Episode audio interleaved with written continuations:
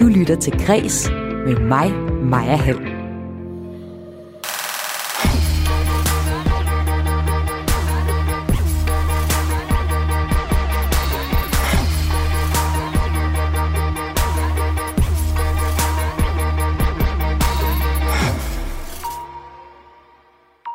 Kvindemuseet hedder nu Museet Køn. Og det navneskifte har givet stor debat. Jeg taler med museets direktør om debatten, og så går jeg tæt på den kulturhistorie, museet skriver sig ind i. Du kan her i programmet også høre, at Druk ryttede bordet til filmprisen Robert, at en popstjerne stod for en nærmest, ja, et nærmest religiøst øjeblik til Super Bowl i weekenden. Og øh, så kan du høre historien om, at diskokæden Crazy Daisy nu kommer på museum. Jeg hedder Maja Hall. Velkommen til Kres.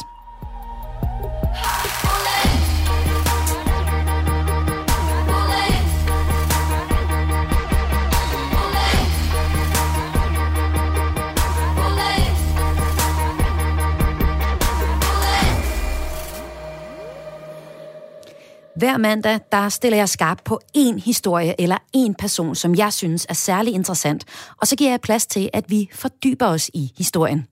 I dag der ser jeg nærmere på Kvindemuseet og den kulturhistorie, museet skriver sig ind i. Museet har nemlig været i ja, stormvær, fordi det har besluttet at skifte navn til, til køn, øh, Museum for Kønnes Kulturhistorie. Og for at forstå det, altså debatten om navneskiftet, ja, så synes jeg, det er interessant at se, hvad museet er rundet af.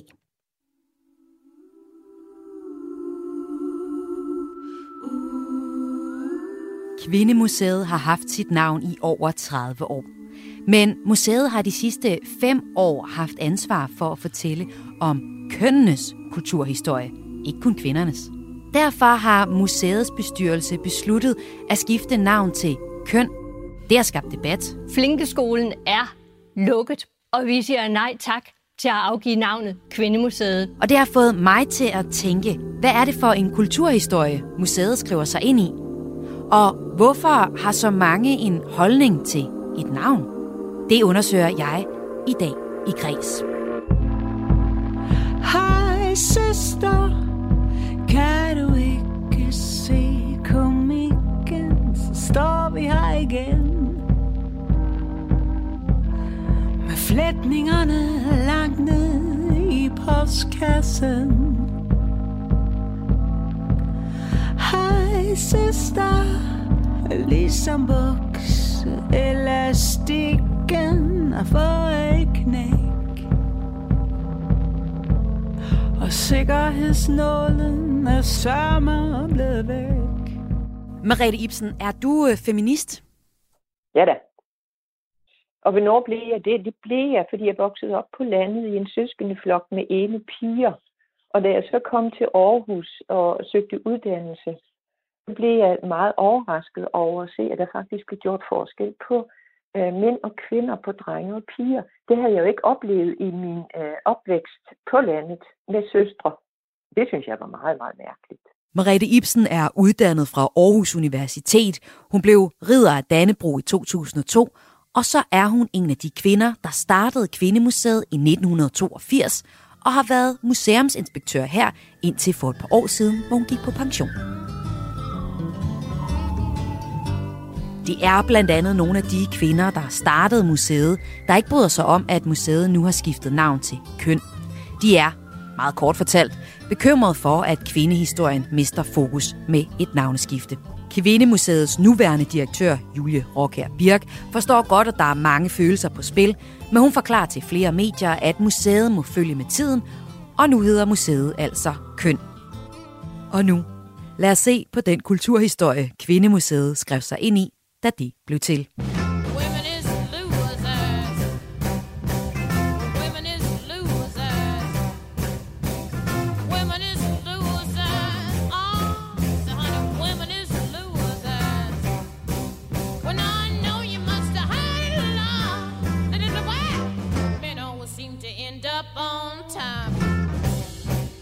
Kvindemuseet udspringer af den nye kvindebevægelse i 70'erne. Den kom midt i en tid, hvor popkulturen var fuld af spældbrød, fuldskæg, fællesspisning, hjemmestrik og urtehaver. Og politik, ja, der var fyldt med økonomisk krise og stigende arbejdsløshed. Men her i 70'erne fandt kvindebevægelsen igen plancher og tuscher frem og demonstrerede for lige løn. Her er for eksempel et klip fra en nyhedsudsendelse på DR. Er interesseret i at øh, blive udbygget, at der kommer flere tilhængere? Ja, altså vi vil nærmest øh, inspirere til at fri gruppedannelse rundt omkring, ikke? og så kan man altså henvende sig til os. Vi holder møde i næste uge for alle interesserede. Ja. Jeg så på turen ned ad strøget i dag, der havde I nogle aviser og nogle dameblade hængt op. Ja, øh, jo, det er jo imod den kommercielle udnyttelse af kvinden, og det der fixerede kvindebillede, som ugepressen er med til at, at fastholde. Altså kvinden øh, som øh, moder og madlaverske og rengørske og broderske og strikkerske. Og ja, det, det mener vi altså er galt, ikke? Det stod jo også i sloganet, ikke? Ja. Jo, og det, det der frem for alt er galt, det er, at øh, der bliver spekuleret i kvinders mindreværdskomplekser. Det er det, som vi er imod.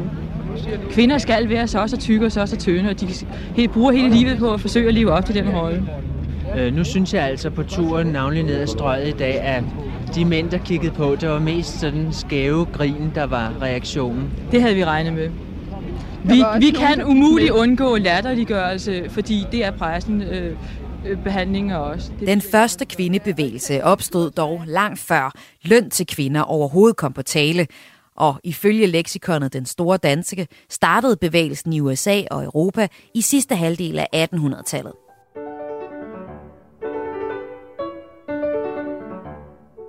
Siden har der været mange, rigtig mange bevægelser.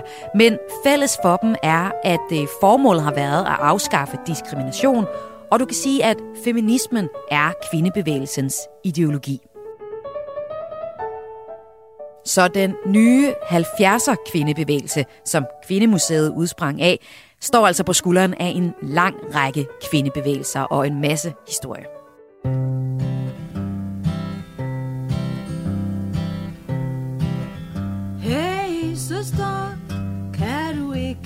Se komikken, så står vi her igen. Med flætningerne langt ned i postkassen. Hvem var I, der startede Kvindemuseet? Jamen, vi var jo kvinder, der havde været øh, optaget af kvindeforskning. Vi var fortrinsvis kvinder, der kom fra, øh, fra universitetsmiljøet. Og hvorfor vil du lave et kvindemuseet. Hvad kunne du mærke personligt, øh, der tændte dig ved, ved den opgave? Det var, det var fraværet af, øh, af viden om øh, kvinders historie. Det var øh, opdagelsen af, at kvinder faktisk er det andet køn og bliver behandlet, øh, behandlet øh, mindre respektfuldt, end mænd gjorde. Som øh, gjorde, at jamen, selvfølgelig skulle vi have øh, et sted, hvor man kunne gå hen og se at kvinder øh, havde bidraget til historien, at kvinder havde en rolle at spille i, øh, ikke bare i hverdagslivet derhjemme ved kødgryderne, men også i øh, de samfundsmæssige forandringer, som er sket fra ja, igennem den lange, lange historie. Hvorfor kommer der først et kvindemuseum her i nyere tid, tror du? Jamen, øh, kvinder har jo slet ikke haft overskud til det. Altså det over, den overskud, der lå i, at kvinder kunne øh, øh, arbejde for øh, stemmeret, øh, at kvinder kunne kæmpe for stemmeret, var jo et første skridt, der skulle tages. Og det sker jo så i begyndelsen af 1900-tallet. Det næste store skridt, der sker for kvinder, det er jo i øh, halen på ungdomsoprøret, hvor kvinder opdager, at mange af dem er blevet sat til at, at lave øh, øh til til revolutionen, som man sagde, øh, hvor man så øh, danner øh, rødstrømpebevægelsen, øh, som er interessant ved at lave en øh, at lave basisgrupper, hvor alle udsagn og alle vidnesbyrd om kvindeliv er ligeværdige. Rødstrømperne er kendt for at skrive en del musik og øh, slagkraftige sange, eksempelvis øh, Gallede Trilles Hej Søster, ofte i kvindefora. Hey! søster, det ligesom bukseelastikken har fået et knæk. Og sikkerhedsnålen er sørme blevet væk.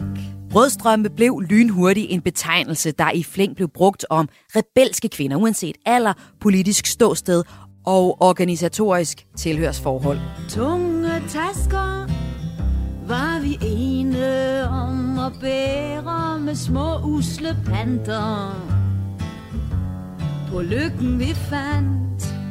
Og det er altså midt i de her kvindebevægelser og rødstrømpebevægelsen, at Kvindemuseet opstår. Marete, lad os lige prøve at zoome ind på den tid, Kvindemuseet kommer til i. Hvordan så Danmark ud, da museet kommer til? Altså rødstrømpebevægelsen, øh, som øh, jo danner sig blandt andet for, at, øh, fordi man kunne, kan se, at selvom der var en ungdomsbevægelse, var der stadig en undertrykkelse af, af, af kvindestemmerne. Øh, når kvinder tog ordet, blev der ikke lyttet så meget, så øh, de øh, øh, basisgrupper, der blev dannet, var jo blandt andet for, at kvinder kunne få et fristed, hvor de kunne lære at udtrykke sig, og hvor de frit turde udtrykke sig, uden at blive afbrudt eller uden at blive overhørt. Og det gjorde et stort indtryk på mig, fordi som jeg sagde før, jeg, i, i min, min barndoms naivitet vidste jeg faktisk ikke, at der var den store forskelsbehandling på drenge og piger, mænd og kvinder.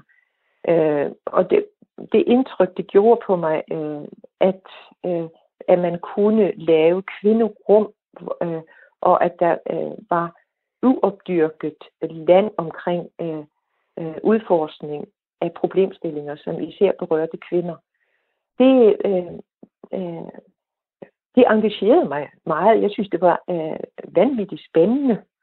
Øh, samtidig med, at jeg så også blev mor og, og fik øh, og blev mor til nogle døtre og kunne se, at det var vigtigt, at de også fik en, en fremtid. Øh, til det private var virkelig politisk. I 1984 inviterede Kvindemuseet publikum indenfor til sin første større udstilling. Den hed Giv plads for liv og handlede om tjenestepigeliv, moderskab og ungpigedrømme. Da museet flyttede ind i Aarhus' gamle rådhus på Domkirkeplads 5, hvor det også ligger nu, var en af de første udstillingsrum, der blev bygget et køkken, der var lavet i sådan en øh, 1930'er-stil, som man kendte det fra Matador, hvor kokkepigen Laura holdt til.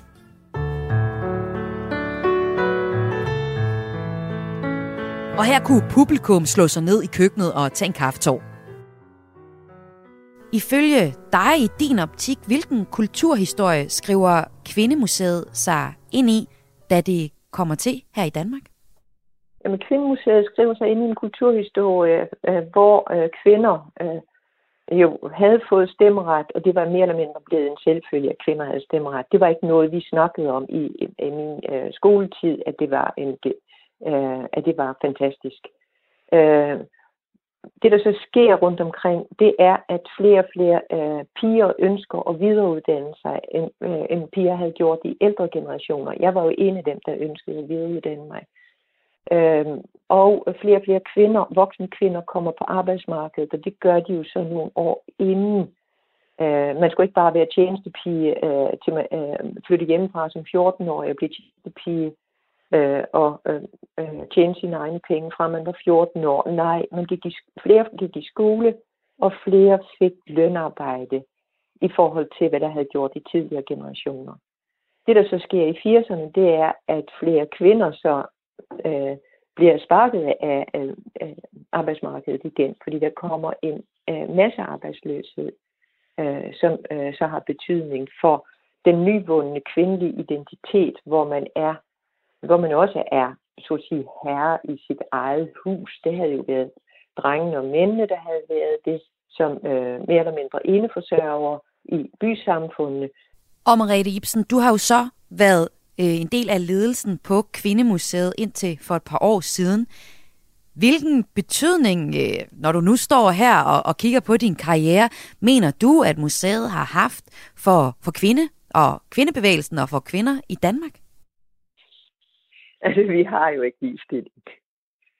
Jeg kan huske, vi snakkede om på et tidspunkt, om øh, Kvindemuseet skulle øh, slutte, når den fulde ligestilling er opnået.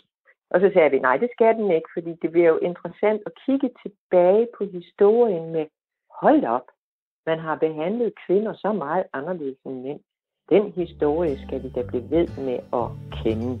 Ja, vi bliver stadig bedre til at slikke vores sår dagene mørkner nu.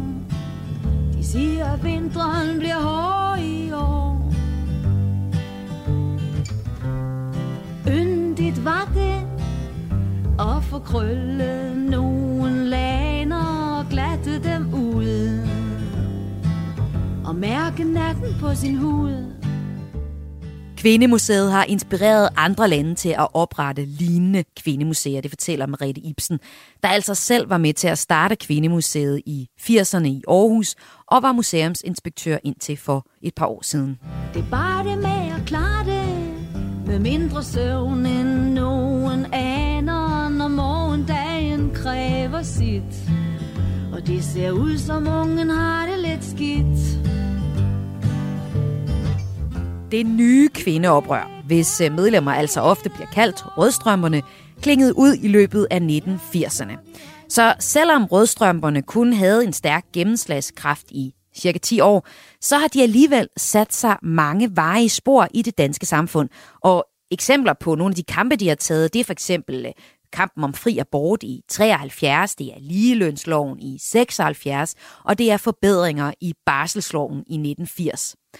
Derudover så er der forskningen, som i dag lever videre under betegnelsen kønsforskning, og så er der institutionerne, for eksempel Kvinfo, krisecentre for voldsramte kvinder, Kvindehuset i København, og ja, Kvindemuseet i Aarhus. Museet er det eneste af sin art i Danmark, og de historier, der fortælles her, tager deres udgangspunkt i de indsamlede livshistorier. Museet har så derfor for eksempel indsamlet de hjemmestrikkede hygiejnebind. De har de fine silkestrømper med stopninger på hælen. De har de lille blæer og pamfletterne fra rødstrømpebevægelsen. Og fra marts i år, så kan du opleve udstillingen Ingen Lille Lort. En udstilling om Astrid Lindgrens kamp for børns ligestilling.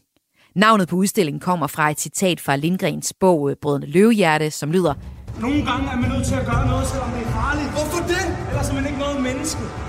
Bare en lille lort.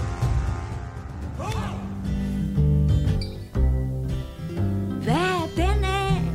Skal vi høre de andre sige, hun kan da vist alligevel ikke holde på en mand. Så ud på den gamle arena, dukke op til mange fester med dig selv om halsen. Bevise, at du sagtens kan. Ja, så gik det kærlighedens år. Hvad er det så, vi har lært? Hvad er det nu, vi forstår? Nu har du hørt Merete Ibsens personlige fortælling om, hvordan hun var med til at starte Kvindemuseet tilbage i 80'erne. Og hvad det var for en tid og en kulturhistorie, museet skriver sig ind i. Merete Ibsen følger selvfølgelig stadig med i, hvordan det går for kvindebevægelser og feminismen her i 2021. Og så følger hun jo også med i, hvordan det går med hendes gammel museum, som i sidste uge formelt fik godkendt deres navneskifte fra Kvindemuseet til Køn Museum for Kønnenes Kulturhistorie, eller den internationale variant af navnet Køn Gender Museum Danmark. Merete Ibsen har skrevet debatindlæg til Lokalavisen om, at hun synes, det var en dårlig idé med navneskiftet, men hun respekterer museets valg. Øh, Merete Ibsen, hvor står du i forhold til den debat, der har været om navneskiftet på Kvindemuseet?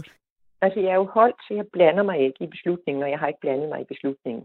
Men jeg synes, det er forkert.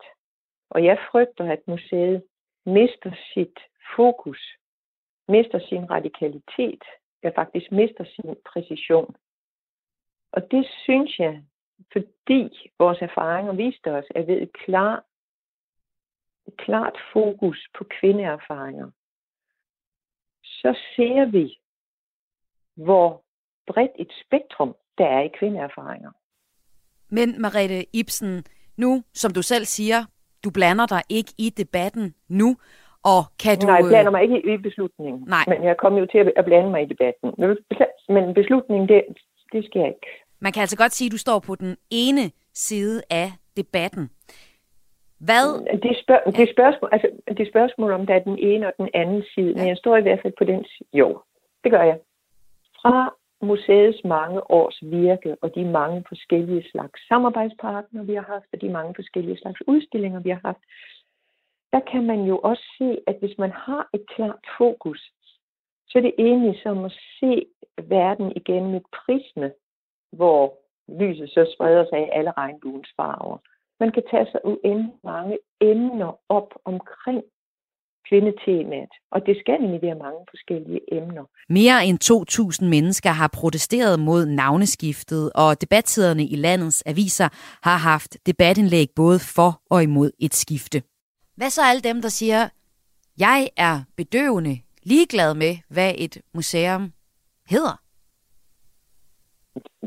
Det er de fleste nok.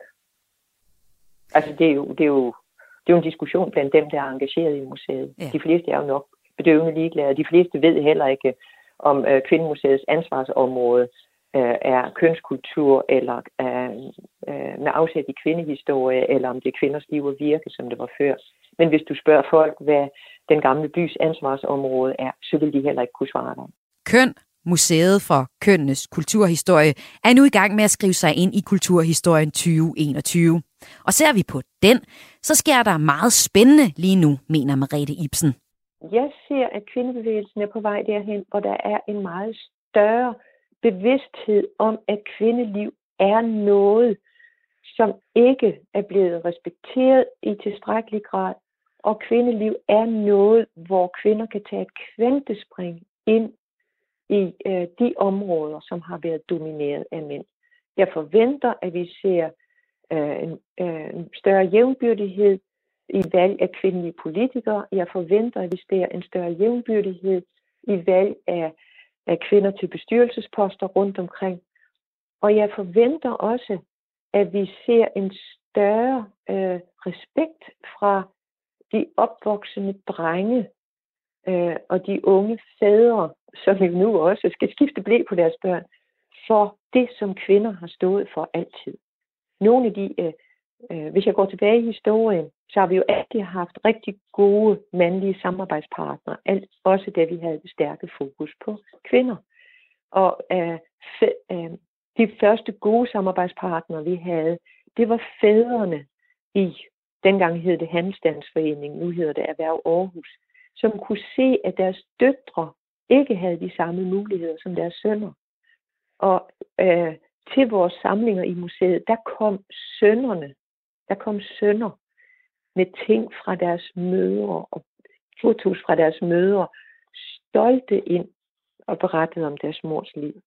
Og den stolthed og den gensidige respekt forventer jeg øh, vokser ud af, at der er flere drenge og mænd, der går ind i områder, som har været kvindernes, nemlig øh, børnepasning og børneopdragelse. Så tror jeg også, at altså, men det, det bliver jo ved med at være kvinderne, der føder børnene. Og det at føde og amme, det håber jeg den samme respekt, som det havde, øh, da, da jeg blev øh, mor igennem 70'erne. For der var der en stor respekt for, at vi fik børn, og at vi ammede vores børn, samtidig med, at vi kunne mærke, at der var forskel på, hvad det var for nogle karriereforventninger, der var til os som, som øh, piger og kvinder, og så til vores mandlige medstuderende. Ude i verden, der er meget at gøre, men der er det jo også vigtigt, at vi har FN's øh, øh, mål, hvor, øh, hvor køn og gender er et centralt mål. Og det er vigtigt, at vi har en spiller som UNESCO, som vedvarende gør opmærksom på, at blandt analfabeter, så er der flere piger, der er analfabeter, piger og kvinder, end der er drenge og mænd. Og pigerne holder simpelthen op med at gå i skole, fordi de har dårlige toiletforhold, og når de så får menstruation, så kan de ikke gå i skole på den ene side, og på den anden side, så er det jo den billige arbejdskraft, man hellere vil have derhjemme. Så det kropslige har jo også betydning for den øh, øh, ligestilling og ligeværdighed, vi skal opbygge. Så jeg er optimist og tror på de kommende generationer. Jeg håber bare ikke, det skal tage de der 100 år, som statistisk ser ud til, at ligestilling vil tage, inden vi er ligestillet på verdensplan. I said certified free, seven days a week. Wet ass pussy, make that pull out game weak. Yeah, yeah, yeah, yeah. Yeah, you fucking with some wet ass pussy. Bring a bucket and a mop for this wet ass pussy. Give me everything you got for this wet ass pussy. Beat it up, nigga, catch a charge. Extra large and extra hard. Put this pussy right in your face. Swipe your nose like a credit card. Hop on top, I wanna ride. I do a giggle, what is inside? Spit in my mouth, look in my eyes. This pussy is wet, come take a dive. Tie me up like I'm surprised. That's role play. I wear disguise. I want you to park that Big Mac truck right in this little garage. Make it cream, make me scream. Out in public, make a scene. I don't cook. I don't clean, but let Aye. me tell you, I got Aye. this ring. Gobble me, swallow me, drip down inside of me. Quick jump out for you, let it get inside of me. I tell them where to put it, never tell them where I'm about to be. I run down on them before I have a nigga running me. Talk your shit, bite your lip. Ask for a call while you ride that dick. Why you really ain't never got him fucking for a thing. He already made his mind up before he came. Now get your boots, hang your coat for this wet ass pussy. He bought a phone just for pictures of this wet ass pussy. Pay my tuition just to kiss me on this wet ass pussy. Now make it rain if you wanna see some wet ass pussy. Look, I need a hard hit, I need a deep stroke, I need a henny drink, I need a weed smoke. Not a garden snake, I need a king cobra with a hook in it, hope it lean over. He got some money, then that's where I'm headed. Pussy A1, just like his credit. He got a beard, well, I'm tryna wet it. I let him taste it, now he diabetic. I don't wanna spit, I wanna go, I wanna gag, I wanna choke. I want you to touch that little dangly thing that's swinging the back of my throat. My head can misfire, Punani the sunny is going and drying, it's coming outside, yeah. I run on that thing, now the cuz behind me. I spit on his mic and I he tryna sign me. Your Honor, I'm a freak bitch, handcuffs, leashes. Switch my wig, make him feel like he cheating. Put him on his knees, give him something to believe in. Never lost a fight, but I'm looking for a beat. In the food chain, I'm the one that eat you. If he ate my ass, he's a bottom feeder. Big D stand for big demeanor. I can make you bust before I ever meet you. If it don't hang, then he can't bang. You can't hurt my feelings, but I like pain. If he fuck me and ask who's is it when I ride the dick, I'ma spell my name. Ah. Yeah, yeah, yeah, yeah, you fucking with some wet ass pussy. Bring a bucket and a mop for this wet ass pussy. Give me everything you got for this wet ass pussy. Now from the top, make it drop. That's some wet ass pussy. Now get a bucket and a mop. That's some wet ass pussy. I'm talking wop, wop, wop. That's some wet ass pussy. Macaroni in a pot.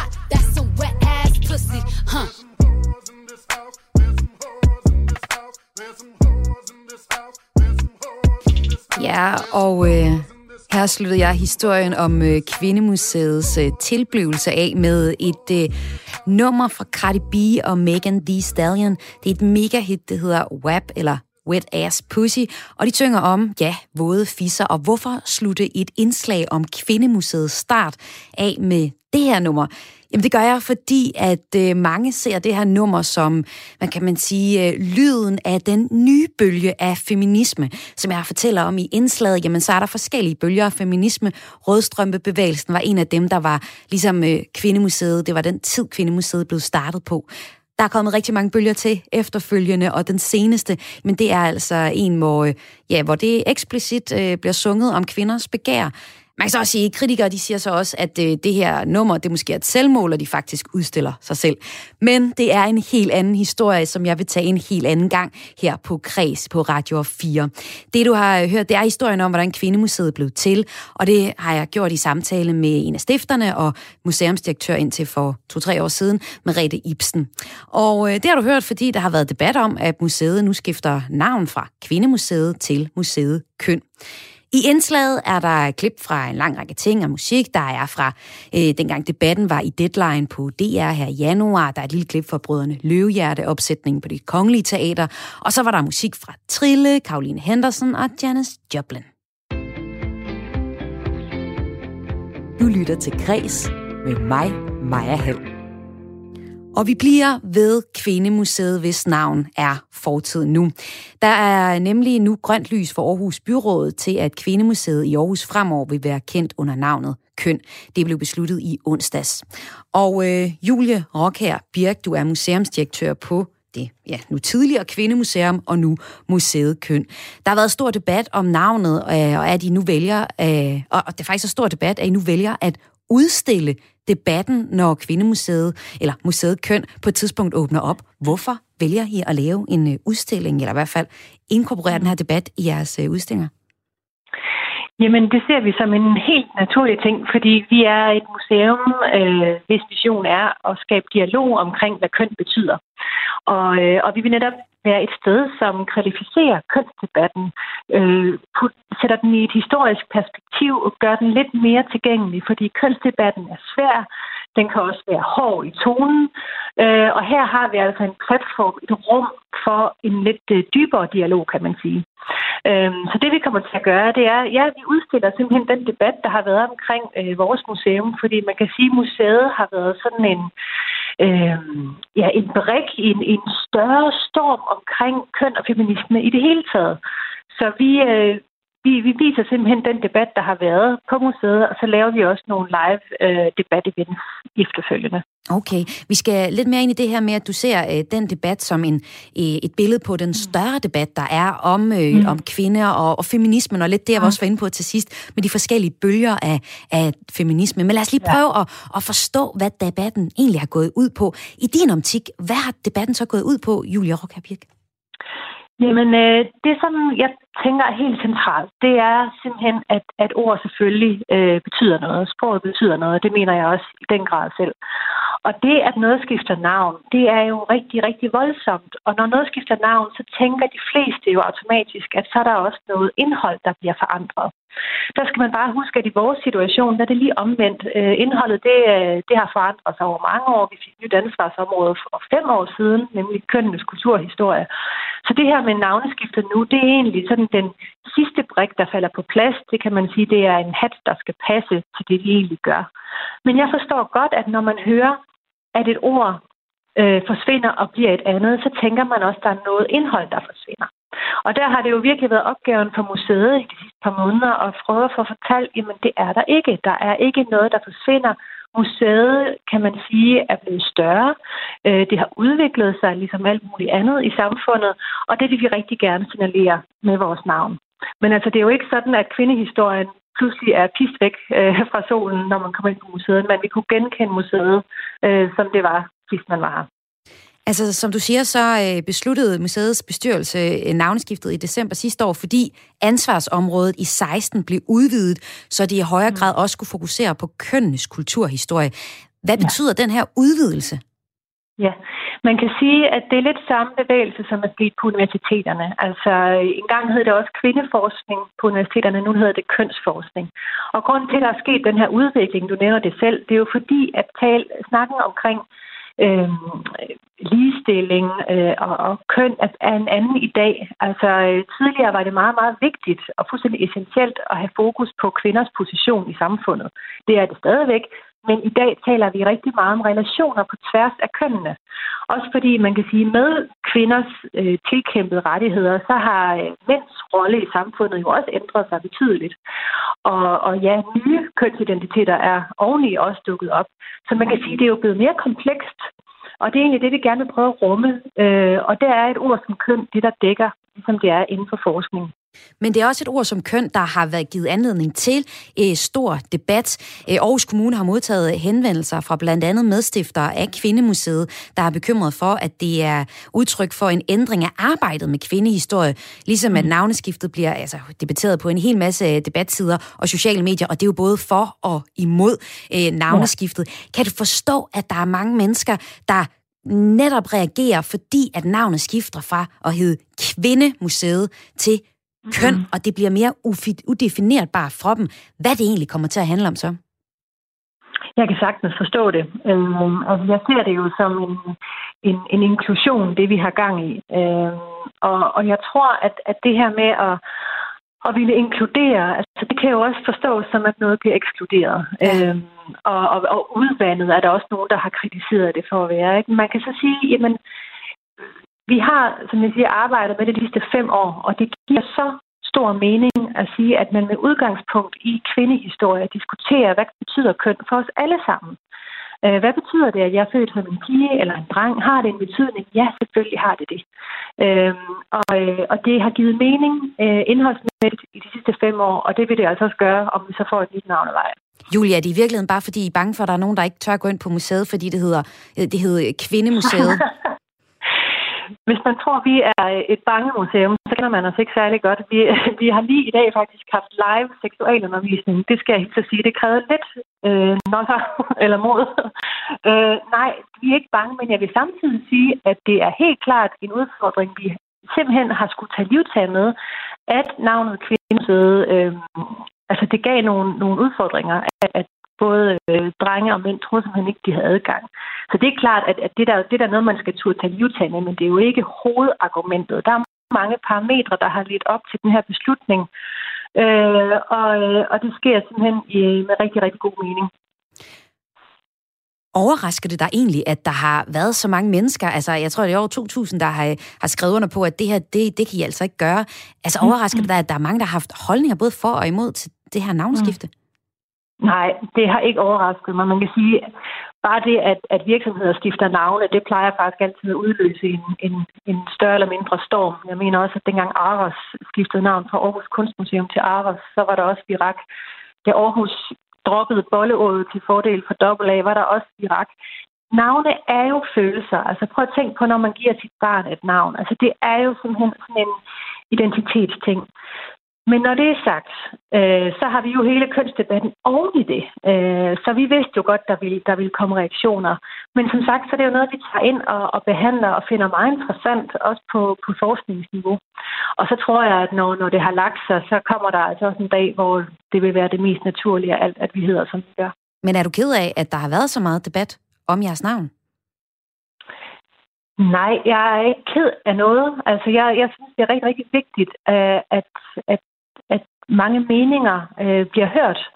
Jeg, jeg synes også bare, det er vigtigt, at, at, at man siger, ja, man kan have en mening uden at få ret. Øhm, og det tænker jeg egentlig er sådan en lidt, lidt større diskussion øh, i forhold til vores debatkultur, øh, som jo meget foregår på sociale medier. Øhm, men jeg synes, jeg synes, debatten har været øh, fuld af indsigter, og det er noget, vi også vil, vil tage fat i på forskningsniveau. Det, det er dybt interessant. Okay, men lad os så tage den nu, det her med, at du ser, at navnet fra at gå fra Kvindemuseet til at hedde Museet øh, Køn, det er ikke bare, og den debat, der er kommet øh, efter det navneskifte, jamen det er egentlig øh, en debat, som øh, repræsenterer en større debat om, mm. øh, skal jeg sige, feminismen og øh, kønssnakken. Mm. Hvordan mener du, at det er et billede på det, Julia Rockherbjerg? Jamen, øh, for det første, så er der ikke én måde at være feminist på. Øh, alle, der begår sig i kønsdebatten, ved, at der er simpelthen så mange forskellige fraktioner og holdninger. Altså det hedder ikke bare sådan, om, om man er for eller imod, eller om man er antifeminist eller feminist. Selv inden for feminismen er der jo rigtig mange fraktioner, og det er øh, enormt komplekst. Og, og det er jo lige præcis der, hvor jeg ser det her museums berettigelse. Altså hvis, hvis der er noget, det her har vist mig, så er det, at, øh, at vi har et museum, et statsanerkendt nationalt museum omkring køn, som er dybt, dybt relevant og vigtigt og nødvendigt, fordi vi har brug for at få styrket den her øh, viden om, hvad køn betyder. Vi har brug for at få, få styrket vores øh, debatkultur omkring det, fordi det ender simpelthen så tit, netop når det handler om køn, i, øh, i nogle meget voldsomme og øh, ja, udemokratiske debattråde øh, rundt omkring. Og det vil vi rigtig gerne være en, øh, en modpol til. Vi vil gerne øh, gøre noget andet. Men, men hvad mener du med det? Kan du komme med et eksempel på det? At det bliver noget udemokratisk debat? Jamen, jamen jeg mener, at øh, et altså, kommentarspor under en artikel for eksempel, altså det ved alle jo, at det, det stikker jo af. Det der er lavet masser af forskning på. Det gør jo, at rigtig mange ikke øh, tør simpelthen ytre sig, fordi man ved, at hvis man kommer med sin mening, så bliver man simpelthen blæst som kul. Altså, der er jo nogle algoritmer på de sociale medier, som virkelig dyrker det her med, at ting bliver blæst op meget, meget hurtigt. Øh, det kunne man jo se for eksempel også med, med Hegersdorf-sagen, ikke? Også, som pludselig lynhurtigt fik øh, en masse øh, omtale i, i en bestemt retning. Og det er sagen om, ja. at uh, Jesdorf øh, bliver udelukket fra TV2, og det skyldes ja. ja, en, en 20 år gammel ja, øh, MeToo-sag. Det er det, vi men, kan men, sige Men jeg synes, det er interessant, øh, altså det her med, hvordan øh, hvordan debatter foregår i dag, og hvordan øh, holdninger og tendenser blusser op i sådan nogle bobler lynhurtigt og forsvinder igen. Der vil vi jo gerne være det sted, som kan forankre debatten og øh, tage vare på den debat som en slags kulturarv, en immateriel kulturarv, side om side med de genstande, som er fysiske i samlingen.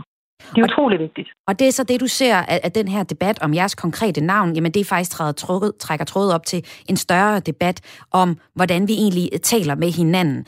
Øhm, og som du også øh, siger, øh, fortæller, så, så kommer øh, ja, jeres, debatten om øh, jeres navn til at indgå på museet. Øh, hvis jeg lige vender tilbage til, at i onsdag i sidste uge, så blev øh, navnet godkendt af i Aarhus Byråd, altså navneskiftet, mm. og det er jo en formalitet, der sker. Det er så noget, der har trukket i langdrag. Men altså, det det ender med, det er, at I gerne må skifte jeres øh, navn. Ja. Der er så en fra enhedslisten, Lone Norlander, som øh, kommer med en appel til bestyrelsen. Jeg faldt over lige her, inden jeg gik ind. Øh, jeg havde simpelthen ikke lige fået læst den pointe her. Hun skriver, navnet Kvindemuseet er valgt på baggrund af, af fokus på kvinders historie. Jeg er bange for, at navneskifte kan blive for kønsløst. Vi har ikke andre steder et museum, som så flot viser kvinders historie. Vi er stadig langt fra ligestillingen. At følge med tiden kan være at holde fast i rødderne. Jeg vil gerne appellere til bestyrelsen om at tænke sig om en ekstra gang. Og øh, det er jo så bestyrelsen, hun appellerer til. Men jeg kunne godt tænke mig at spørge til mm. dig som museumsinspektør. Hvad, hvad tænker du egentlig om det her med, hun siger, øh, at følge med tiden kan også være at holde fast i rødderne? Kommer I til at holde fast i nogle af de rødder, vi har hørt i indslaget her, om mm. Kvindemuseets tilblivelse fremadrettet? Ja, selvfølgelig. Selvfølgelig gør det det. Vi hviler stolt på rødderne. Og rødder, de udvikler sig som bekendt, øh, og, og bliver længere og større og breder sig. Øh, vi har dybt fast i vores rødder, og vi betegner også os selv som et aktivistisk museum. Og jeg vil sige til alle dem, der siger, at det er kønsløst, og at vi prøver at udviske kønnene, nej, vi vil ikke udviske køn, vi vil drøfte køn. Og det er måske netop det, I vil med jeres øh, næste udstilling. Det er udstillingen om øh, Astrid Lindgrens kamp for børns ligestilling, kalder I den. Hvordan spiller den her konkrete øh, udstilling ind i jeres museums mål? Jamen, det er jo en udstilling, som tager fat i kønsstereotyper. man kan sige, at Astrid Lindgren arbejder jo med, med, med, med køn sådan lidt indirekte.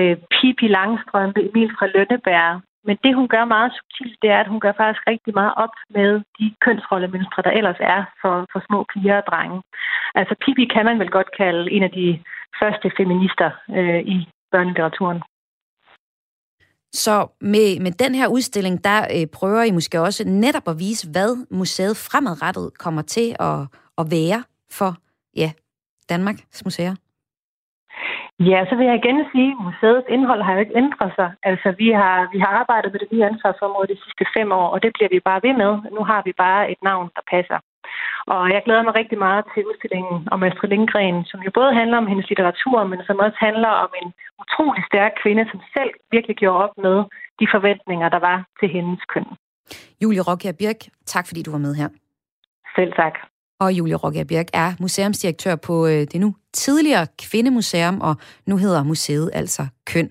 Det blev de besluttet i sidste uge, det blev det godkendt af et flertal i Aarhus Byråd, de og godkendt, altså det her navneskifte. Og i daglig tale, så skal museet hedde Køn, og caféen kommer til at hedde Køn Café. Og internationalt, der kommer museet til at hedde Køn Gender Museum Danmark.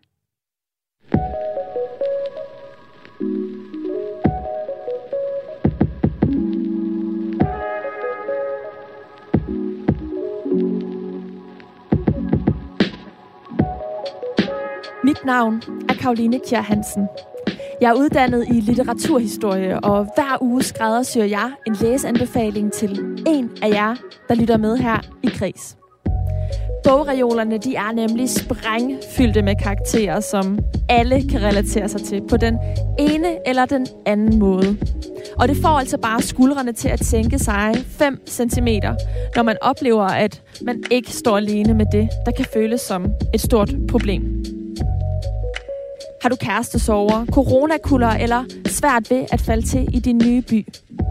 Uanset hvilken situation du står i, så har jeg et forslag til en bog, der kan lindre dine følelser, og måske endda gøre dig lidt klogere på dig selv. Skal det være lige præcis dig, jeg kommer med en anbefaling til, så smid en sms afsted med det samme til 1424. Husk at begynde den med R4, eller send en mail til kreds radio4.dk, hvor du fortæller lidt om din situation. Mailen staves kraes radio4.dk. Du kan også stadig sende en sms. Nummeret det er 1424. Jeg glæder mig til at høre fra dig.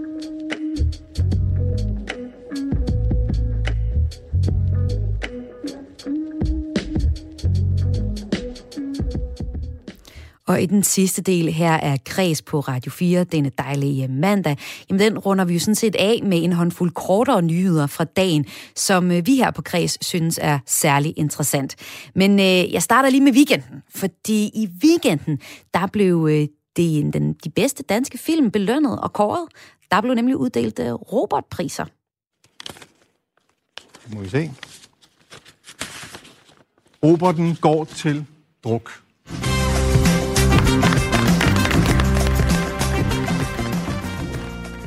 Jamen, det kom måske ikke som nogen overraskelse, at øh, det danske filmakademi lørdag aften kunne uddele Robertprisen for årets bedste danske film til druk. Filmen den er instrueret af Thomas Winterberg, og den hentede fem af de 12 priser, den var nomineret til hjem. Altså, det er jo et populært valg, det her, fordi druk har solgt 800.000 billetter herhjemme. Det er ret imponerende for en film.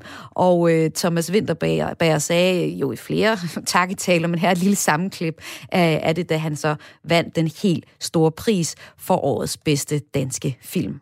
Åh, men det er... Hvor er det fantastisk. Jeg er virkelig, virkelig glad og meget, meget øh, beæret, og må igen sige uh, tak til en hel masse mennesker. Jeg vil gerne sige tak igen til Helene, hun er her et eller andet sted. Ja, ja. Øhm, for at holde det her projekt i gang, når jeg ikke selv troede på det. Og det var rimelig tit alligevel, at det var sådan. Men øh, det var sgu godt, han blev ved med at tro på projektet, fordi det er en helt udmærket film. Øh, og det var altså her Thomas Winterberg, som der lige en lille snip af hans øh, takketale. Robert-uddelingen foregik, som så meget andet i den her tid, uden publikum, og øh, prismodtagerne var med øh, på videoforbindelser. Det kan man se, hvis man vil se hele øh, Robert-showet, så kan man faktisk ja, finde det på, på nettet ved at søge på robertpriser.dk. Med, og øh, så i lørdag, så var der faktisk flere end 50.000 mennesker, der fulgte med i streamingen af prisuddelingen hjemme i stuerne. Udover drukholdet blev også folkene bag den populære film Retfærdighedens Ryttere belønnet med priser. Og øh, i tv dramaafdelingen, så nominerede DR-serien Ulven kommer, domineret DR-serien Ulven kommer, blandt øh, andet satte den øh, kun 15-årige Flora Ophelia Hoffmann Lindahl en rekord. Hun er den yngste modtager nogensinde, og Flora vandt prisen for årets kvindelige hovedrolle i den tv-serie og i, ja, altså i hovedrolle i en tv-serie. Og øh, det var hendes rolle som pine Holly i øh, Ulven kommer, der gav hende den Robert-statuette. Nu venter så Oscar-uddelingen, og øh, her er Druk nomineret som det danske bud på øh, den prestigefyldte amerikanske pris. Og den pris, altså Oscar-uddelingen, det er den 25. april, og det er spændende, om vi kan være med der. Hvis du godt lige kunne tænke dig at få set druk, så er der faktisk mulighed for det, fordi selvom at biograferne er lukket, så ved jeg, at inde på Blockbuster, der kan du købe filmen, og altså så på den måde være opdateret på, hvad det er for en film, alle folk går og snakker om.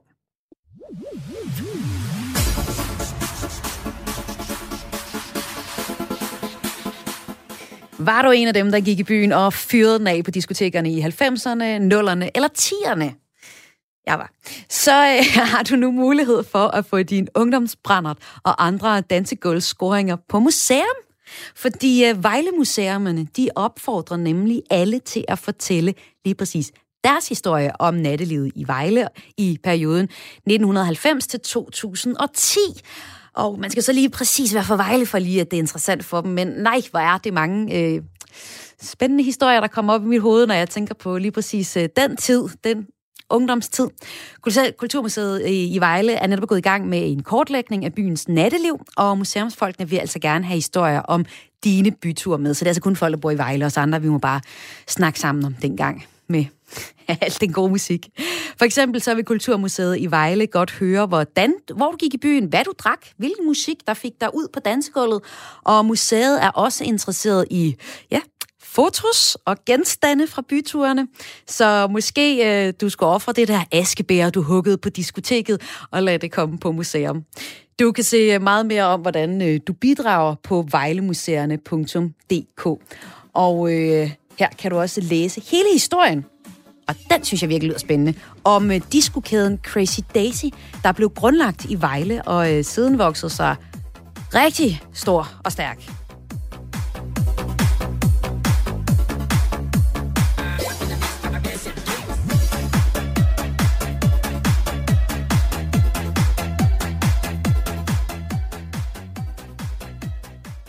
Og den sidste nyhedshistorie, jeg har med, det er øh, lige Super Bowl, vi også lige skal runde.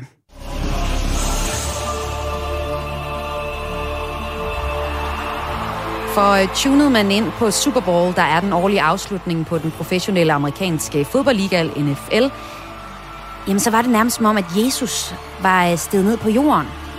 Kan I høre musikken her? Ja. Da den kanadiske superstjerne The Weeknd i nat trådte ind på scenen i et øh, lysshow af himmelske dimensioner. Det så vildt ud. Og der var øh, 25.000 tilskuere, de var samlet på øh, stadion i Tampa i øh, Florida, og flere end 104 millioner tv-serier verden over fulgte med. Ja, det var jo altså den legendariske pauseshow ved øh, The Super Bowl, som altid er stjernespækket, og i år var det så altså med øh, blandt andet The Weeknd. Tidligere så har store verdensstjerner så, stjerner som øh, Rolling Stones, Michael Jackson, Lady Gaga og Coldplay sat deres præg på Super Bowl-showet. Men i år så var det altså The Weeknd, som stod i, øh, ja, i rampelyset, i sådan mega lyset, sådan gudslyset. Og øh, The Super Bowl er en af verdens største sportsbegivenheder, og den gigantiske pauseshow bliver normalt delt mellem flere kunstnere, men i år så var det altså, og det er lidt vildt, det var kun The Weeknd, der var på plakaten. Og øh, The Weeknd er den her 30-årige R&B-sanger, som øh, altså, hvis du ser showet, virkelig fik sat gang i festen med sit spektakulære show, som øh, han i øvrigt selv har smidt 43 millioner kroner i. Ja, så må man da håbe, at øh, han nød de 14 minutter, det varede. Og øh, ja, øh, forresten, øh, kampen øh, endte 31-9 til hjemmeholdet Tampa. Men øh, lad os lige slutte hele programmet kreds i dag med at høre det, der altså startede øh, Super Bowl. Det var The Weekend med Starboy. Se om det ikke gider at komme med her.